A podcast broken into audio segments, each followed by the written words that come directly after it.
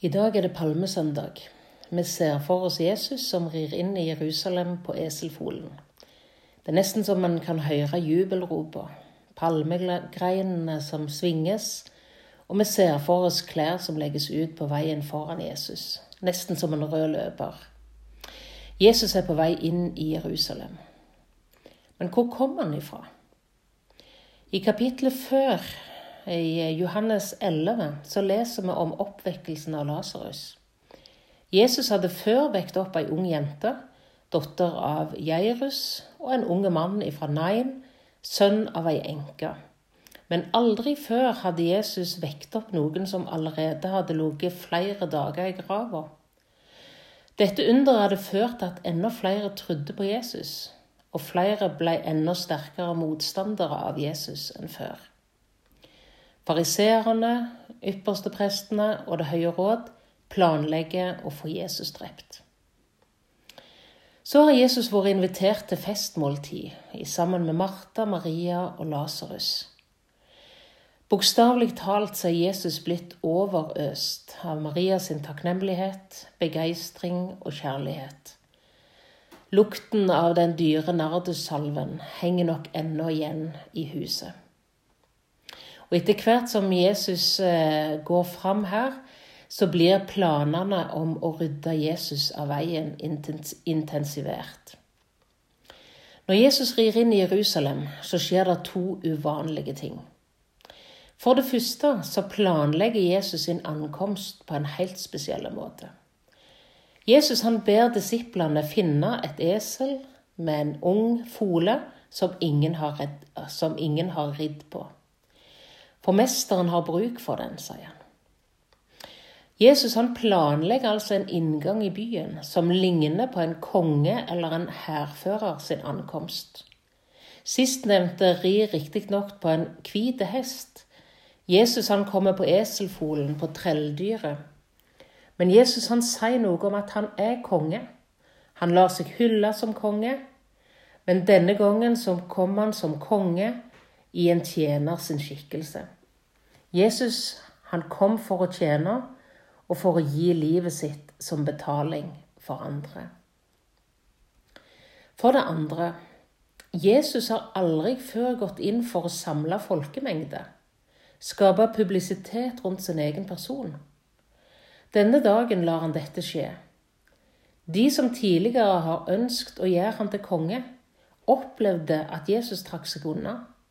Nå lar han mengden ta imot seg. Nå lar han Hosianna-rop lye. Du Davids sønn, Hosianna, velsigna være han som kommer i Herrens navn, Israels konge.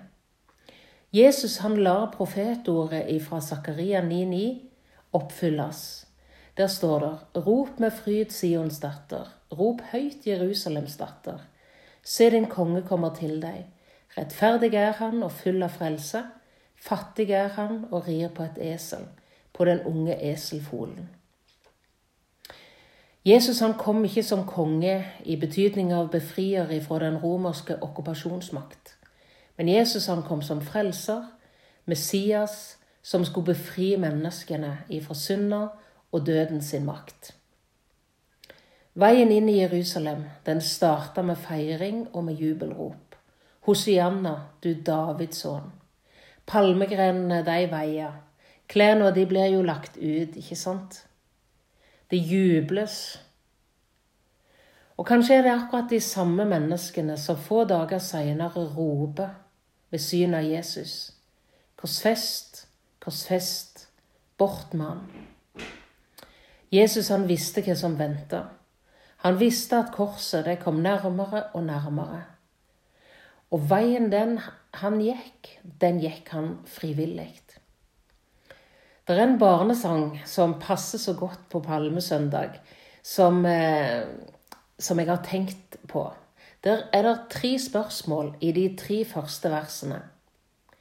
Det første lyder sånn Hvorfor valgte du en eselfole, Jesus? Nummer to Hvorfor valgte du en tornekrone, Jesus? Og nummer tre hvorfor valgte du den smertefulle døden? Og så kommer det fjerde verset. Alt kunne blitt så annerledes, Jesus. Takk at du ikke tenker slik som vi. Du kom med annet oppdrag hit til jorden. Vær undertrykt og fanget skal bli fri. Hvorfor feirer vi påske? Jo, det handler jo om Jesu lidelse, død og oppstandelse. Men det handler òg om et valg som Jesus gjorde. En vei han valgte å gå frivillig fordi at han elsker oss. Og når Johannes innleder de, eh, det han skriver om de siste dagene sammen med Jesus, så starter han sånn i kapittel 13 og vers 1.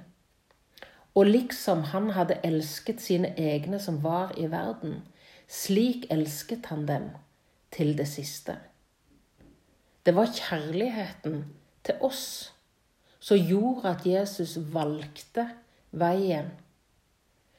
Han valgte eselfolen, han valgte tårnekrona, han valgte den smertefulle døden fordi at han elsker. Max Lucado han forteller i en av sine taler følgende Den 16. august i 1987 så var det ei dramatisk flyulykke i USA. Et fly fra Northwest Airlines, flight 255, styrta rett etter at det forlot Detroit lufthavn. 155 passasjerer døde. Det var bare én som overlevde.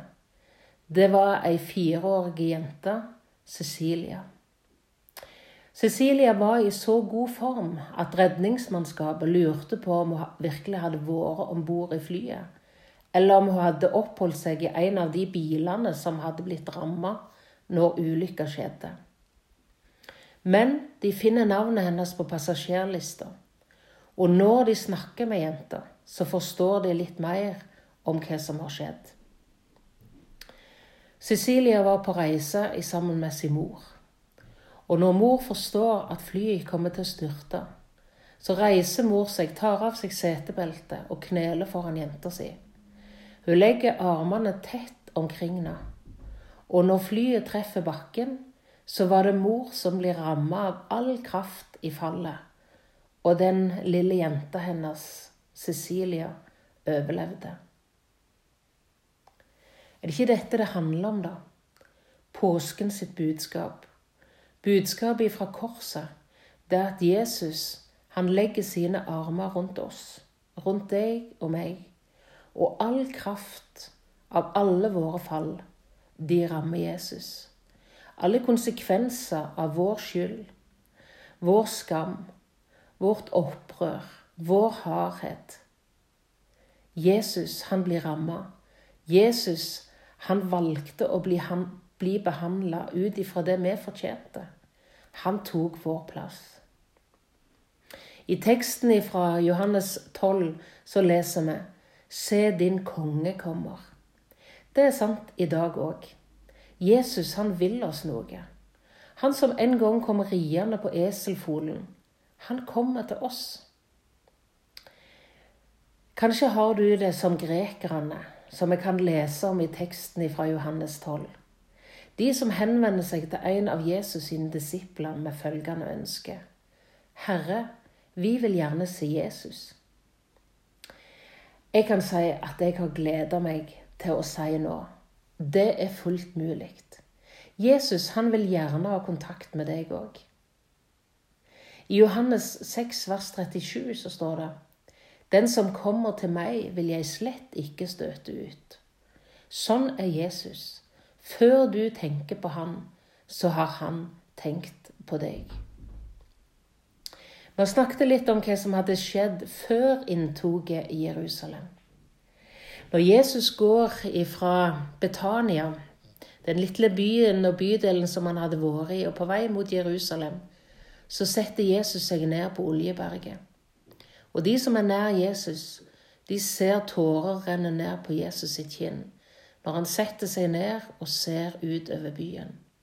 Og de hører han si, Jerusalem, Jerusalem, hvor ofte vil jeg ikke samle barna dine som ei høne samler kyllingene under vingene, men dere vil ikke. Disse tårene, det sier noe om Jesu hjerte. Det sier noe om det tap som Jesus opplever når mennesker ikke vil ha med han å gjøre. Det sier noe om den lengsel Jesus har etter mennesket som han ennå ikke har fått kontakt med. Og det sier noe om Jesu hjerte for oss som har sagt ja til ham. Han valgte oss, han elsker oss, og han ga sitt liv for oss. I Romerbrevet kapittel 5 og vers 8 så leser vi Men Gud viser sin kjærlighet til oss ved at Kristus døde for oss mens vi ennå var syndere. Jeg har lyst til å ønske deg en god påske. Jeg har lyst til å ønske deg dager der du finner tid til å følge Jesus den veien han gikk, og be om at du får se at dette, det var for deg. Du er elska av Jesus, du.